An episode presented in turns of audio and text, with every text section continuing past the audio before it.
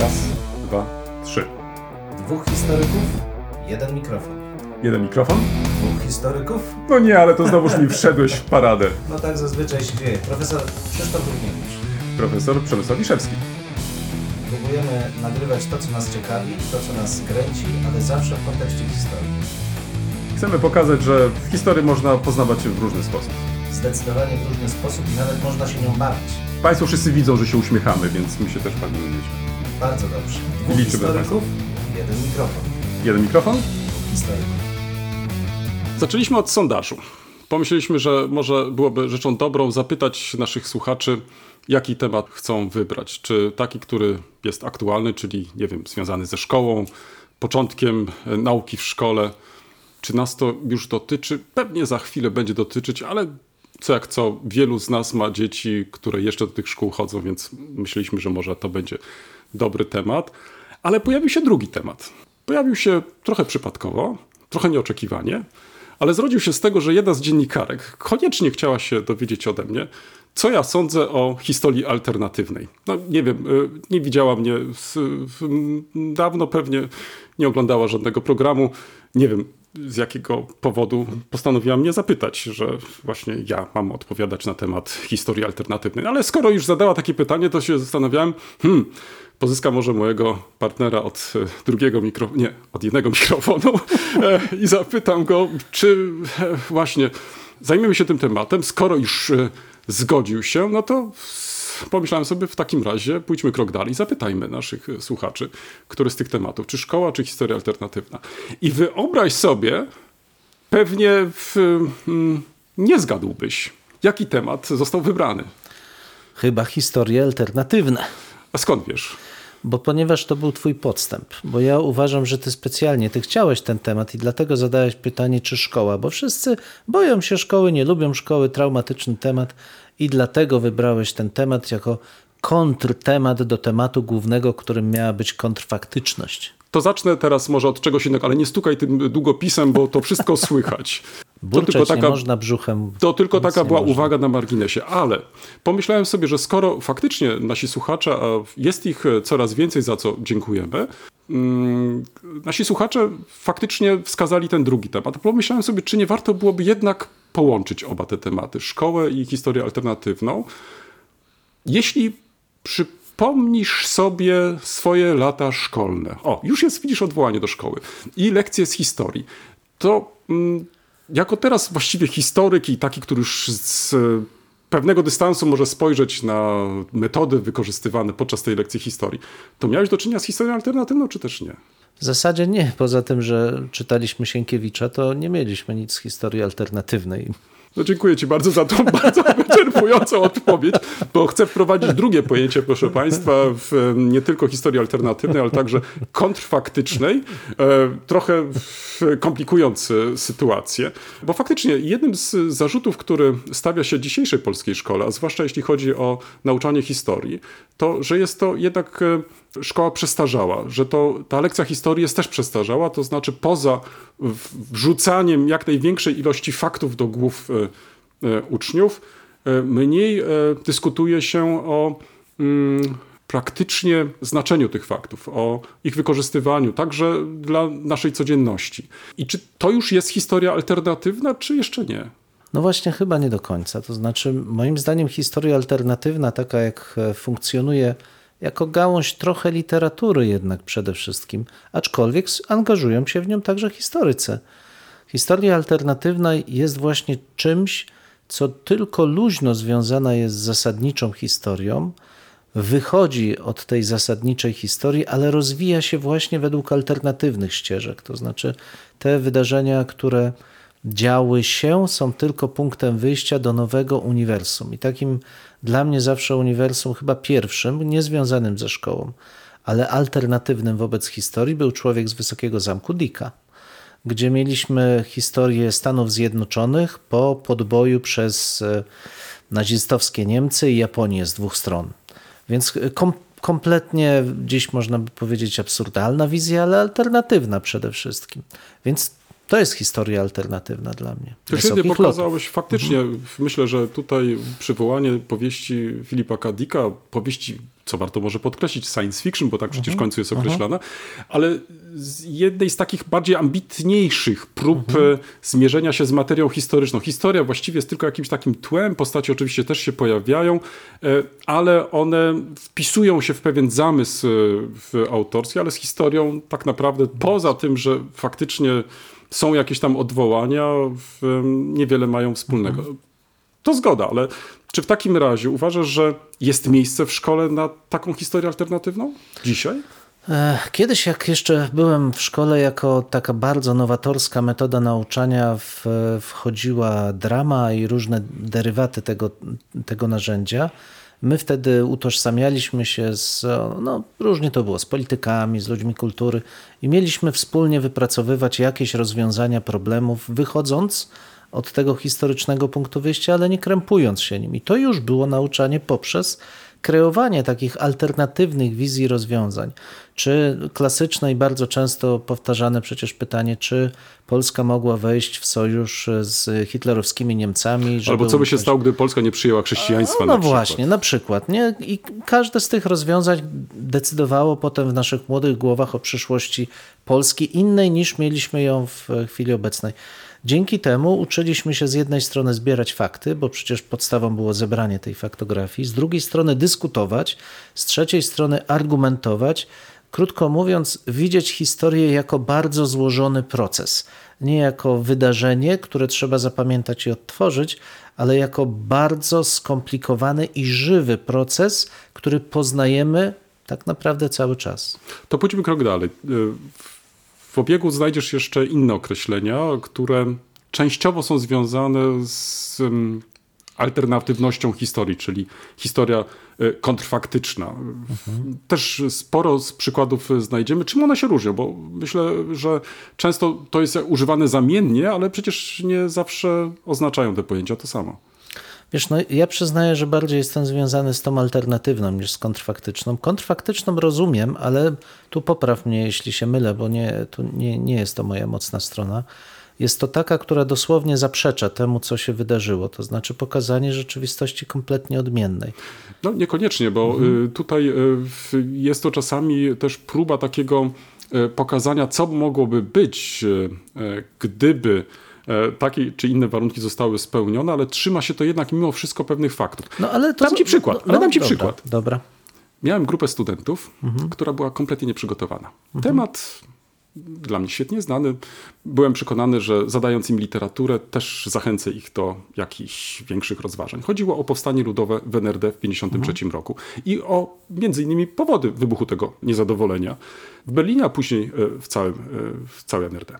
Po rozpoczęciu zajęć, po tym jak padły pierwsze pytania, zorientowałem się, że nikt nie przeczytał tej literatury, którą zaproponowałem do przeczytania. Także krótko mówiąc, mógłbym właściwie na tym zakończyć, odesłać studentów do biblioteki, żeby lepiej się przygotowali. Ale pomyślałem sobie, zrobię coś innego. Zaproponowałem, że skoro Państwo nie wiedzą, to ja Państwu opowiem, jak było. I zacząłem opowiadać, bo jednym z takich e, wątków, który się przewija w, w historii tego powstania, to jest e, praca robotników e, na takiej bardzo prestiżowej budowie, która wtedy miała miejsce, Alei Stalina. I tam między innymi pojawił się pomnik Stalina. Więc zbudowałem narrację wokół tego pomnika Stalina. Oczywiście wszystko to było wyssane z palca. Zacząłem opowiadać, że mm, ci, ci robotnicy budowali z takim trudem ten pomnik. Praktycznie dzień i noc. Nie dla idei, tylko też dla pieniędzy, no bo oni w końcu musieli też e, za coś żyć i tak dalej, i tak dalej. I co ostatecznie sprawiło, że doszło do niezadowolenia, do pierwszych demonstracji, to informacja, którą otrzymali, że y, nikt nie zapłaci im za ich pracę po prostu zostali oszukani. I teraz jeszcze co gorsze, zaczęto ich przekonywać, że robili to wszystko dla idei. A, trzeba wiedzieć, i tutaj naturalnie już odwołałem się do wiedzy poza, y, bym powiedział, takiej, mm, znaczy nie, wiedzy na pewno historycznej, ale tylko dlatego, że ci robotnicy musieli pracować przez te miesiące letnie albo kiedy były te mm, plusowe temperatury, bo zimą oni najczęściej byli odsyłani do domów y, no i musieli zarobić tyle pieniędzy, żeby móc y, po prostu przez tą zimę normalnie funkcjonować, żyć i tak dalej. I wyobraź sobie, jaka była reakcja studentów. entuzjastyczna wręcz. Oni zaczęli mi podsyłać, jakie jeszcze inne mogły być powody. Po prostu nie zdając sobie z tego sprawy, że tak naprawdę ja y, ich wypuściłem tak naprawdę, że to nie ma żadnego no, okoliczności mogą się zgadzać, y, pewne daty się też zgadzają, ale to, tak w żaden sposób to się nie odbyło. Oczywiście w którymś momencie już kiedy tam, nie wiem, y, zajęcia trwały może 30-40 minut, przerwałem i powiedziałem, proszę Państwa, y, na tym kończę moje zajęcia. Jeżeli Państwo jako przyszli historycy będziecie wysłuchiwać takich banialuk i będziecie to brać jako tak właśnie było, żebyśmy tutaj tego Rankego choć raz przytoczyli, no to y, myślę, że y, z tą kondycją historii nie będzie po prostu najlepiej, a Państwo na pewno nie będziecie dobrymi historykami. Musiałbyś zobaczyć y, minę tych studentów, którzy no, właściwie ze spuszczonymi głowami tą salę opuścili i na tym zakończyłem moje zajęcia. No, muszę Ci powiedzieć, że byłem no, sam zachwycony po prostu pomysłem i przeprowadzeniem właśnie tych zajęć. No po prostu zmierzyłeś biednych studentów. Nie, wręcz przeciwnie, ale, wręcz ale, przeciwnie. ale ja ci zwrócę uwagę, że to, co zrobiłeś, to jest fabularyzacja historii, dokonana przez osobę, zakładam, z ogromnym, e, z ogromnym doświadczeniem dydaktycznym, ale jakbyśmy spojrzeli na to, jak powstają książki historyczne, to niestety bardzo często to, co ty zrobiłeś e, z powodów dydaktycznych, jest traktowane jako realne przygotowanie do napisania powieści historycznej. To znaczy wzięcie kilku faktów,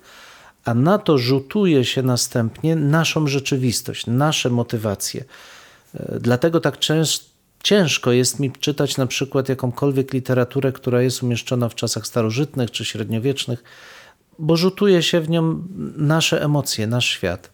Bo i tutaj tylko chciałem zwrócić uwagę, że nazywając taką działalność historią kontrfaktyczną, moim zdaniem e, z jednej strony nobilituje się coś, co nie powinno w, być wprowadzane jako element nowy, bo nie jest niczym nowym. Z drugiej strony łączy się historię z czymś, co tak naprawdę jest już czystą fikcją, gdzie historia to jest, no nie wiem, tak jakbyśmy powieści Balzaka traktowali jako powieści, przepraszam, jako podręcznik historyczny, pomimo że Balzak, realista, przecież świetnie oddaje klimat, ale jednak nikt nie powie, że jego powieści są źródłem poznania przeszłości. E, I z naszego podwórka z kolei spójrzmy na to, co dzieje się w literaturze tej historycznej, czy nie wiem jak to nazwać. Dla mnie punkt wyjścia wielu osób do refleksji nad średniowiecznym Śląskiem, czyli to, co napisał Sapkowski i jego trylogia o czasach husyckich na Śląsku. No, ewidentnie historia bardzo alternatywna, ale przecież dla wielu osób jest to wręcz obraz tego świata, z którego oni wysnuwają z kolei wnioski, no takie ideologiczne, nawet bardzo często głównie antyklerykalne, dotyczące funkcjonowania w ogóle współczesnej Polski, bo zresztą taki zamiar Sapkowskiego przecież był. I moje pytanie teraz do ciebie jest, po co w zasadzie w związku z tym przygotowywać tego typu refleksje, narracje o przeszłości?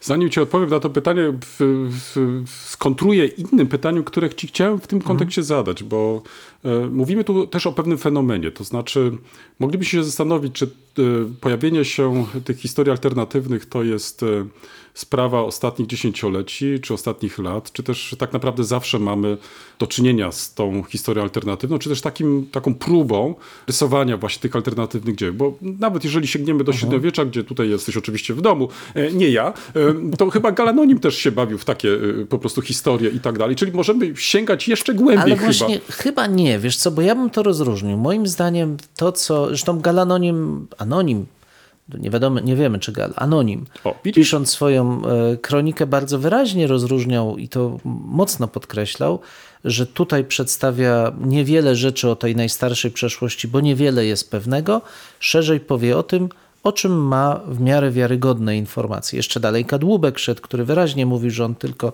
vera et falsa, przecież zmyślał potwornie. Ale pytanie, w którym momencie mamy tą kontrfaktyczność czy alternatywność, a w którym momencie no jakby budowanie czegoś, co zdaniem autora było, tylko się nic o tym nie zachowało. To jest fenomen tej pierwszej historiografii. Dla Kadłubka było oczywiste, że Polacy musieli być częścią historii starożytnej. No, że nikt o nich nie wspomniał, no to on wyciągnie, poskleja i zrobi coś. Czy to jest historia alternatywna? Byłoby tak, gdyby on sądził, że to nie jest prawda. A ja wcale nie jestem co do tego przekonany. To wrócę do tego pytania, które chciałem Ci zadać. To dlaczego właśnie mm, tak dużo mamy tego rodzaju prób zmierzenia się z alternatywnymi historiami? Dlaczego cieszą się tego rodzaju próby tak dużą popularnością? To znaczy, czy to też nie jest po części odzwierciedlenie kondycji społeczeństwa, gdzie takie twory powstają? Bo y, mniej może, i teraz moja teza byłaby taka, że być może y, mając na uwadze złożoność historii, o której też wielokrotnie y, mówimy, nie chcemy się zmierzyć ze złożonością tej historii, tylko szukamy takich bardzo jasnych odpowiedzi. Pójdę jeszcze krok dalej. Szukamy w tej historii tak naprawdę, albo chcielibyśmy znaleźć tylko te pozytywne strony i je uwypuklać, które w historii oczywiście znajdziemy. Co do tego też chyba nie ma żadnej wątpliwości. Ale kreując alternatywne rozwiązania dla negatywnych stron e, historii, praktycznie uciekamy od e, tego zmierzenia się z tą historią. Przykład e, pierwszy lepszy z brzegu, także z ostatnich dni, chociażby kolejna rocznica wybuchu II wojny światowej. Można, idąc e, tym mm, tropem, można byłoby też pytać, czy Polska faktycznie dobrze zrobiła, idąc na przykład na, nie idąc na tutaj jakąś ugodę z Niemcami i tak dalej. Czy historia by się inaczej potoczyła? I tak dalej, i tak dalej. Więc tutaj szereg można zadać e, pytań z tych związanych i takie pytania oczywiście są zadawane dzisiaj i te e, książki, te wypowiedzi cieszą się ku mojemu wielkiemu zaskoczeniu coraz większą popularnością. Czyli co możemy powiedzieć tak naprawdę o naszych społeczeństwach, jeżeli pojawiają się tego typu alternatywne historie. I one nie są ograniczone tylko do powieści e, science fiction, czy filmów, które też w końcu w jakiś sposób też wpływają na nasze patrzenie. Wystarczy otworzyć pierwszy, lepszy portal, nie wiem, Netflixa, czy też e, YouTube'a i tak dalej. I tam znajdziemy bez problemu różnego rodzaju propozycje. Łącznie chociażby z tą przywołaną e, powieścią sfilmowaną Filipa Kadika w Wysoki Zamek, prawda? Człowiek z Wysokiego Zamku. No wiesz, ale ja tu widzę jakby dwie, może i nawet więcej elementów, które powodują to zjawisko. Z jednej strony jest to o tyle w mojej ocenie optymistyczne, że pokazuje autorytet, jakim cieszy się historia. Wiele razy do tego wracaliśmy, że historia dla wielu osób jest świetnym sposobem argumentowania, czy argumentem, fundamentem, bo ma autorytet bezwzględny, jest obiektywna. To się wydarzyło, tak było, nikt tego nie zmieni. My wiemy, że historia to najczęściej interpretacja, bo jest to wynik ludzkiego poznania, dużo by o tym mówić. Ale w takim potocznym odbiorze historia powinna być pewna, historia to jest coś, co wychodząc od czegoś tworzymy prawdę obiektywną. Więc te historie alternatywne w moim odczuciu są tak popularne, dlatego że po pierwsze właśnie wywodzą się z historii, więc sugerują pewną prawdziwość tych faktów, wbrew temu, że tak naprawdę prawdziwe nie są. Ale z drugiej strony zawierają coś wręcz przeciwnego bunt, niezgodę. Znaczy, jeżeli słuchasz tyle razy w szkole o tym, że tak było, tak było, tak było, i zaczyna to być brutalnie mówiąc nudne, to taka kontropowieść, alternatywna opowieść zaczyna właśnie budzić ciekawość nowością, samą nowością. No i trzeci element wreszcie, poprzez to, że mamy nowość, która przyciąga i autorytet historii, możemy próbować zawrzeć w takiej opowieści istotne dla współczesności pytania. Bo te historie alternatywne przecież nie są po to najczęściej, żeby nauczyć czegoś o przeszłości, ale żeby zadać pytania ważne dla współczesności. I poprzez ten kostium historyczny, jak w klasycznej powieści historycznej, udzielić odpowiedzi dla współczesności. Widocznie, i to powiem z pewnym żalem, nie mamy odpowiednio dobrej metanarracji, takiej literackiej, która by zaspokajała ten głód. Ją zaspokajają właśnie odwołania do historii. Czy w takim razie jest miejsce w dydaktyce, już nie szkolnej, ale w dydaktyce uniwersyteckiej, miejsce na historię alternatywną? Ja uważam, że tak. Zresztą to, o czym mówiłem, czego mnie nauczyciele próbowali nauczyć, czy wypróbowywali na mnie, czyli próba w, zachęcenia ludzi do myślenia szerszego o wydarzeniach historycznych, o wieloczynnikowości historii i zachęcania ich do objęcia refleksją i kreatywnością tej historii. No ale nie boję się tego zarzutu, że e, nawet e, ja nie mówię w na każdych zajęciach, e, jeśli studenci nie będą przygotowani, e, proponują, proponować im właśnie takie alternatywne rozwiązania, po to tylko, żeby zmusić ich do tego, że to tak naprawdę za chwilę od nich też będzie zależeć, jak ta historia będzie e, wyglądać. Czyli pytanie też o kondycję historii jako takiej i rolę społeczną też historii, bo to w końcu też z tym jest związane.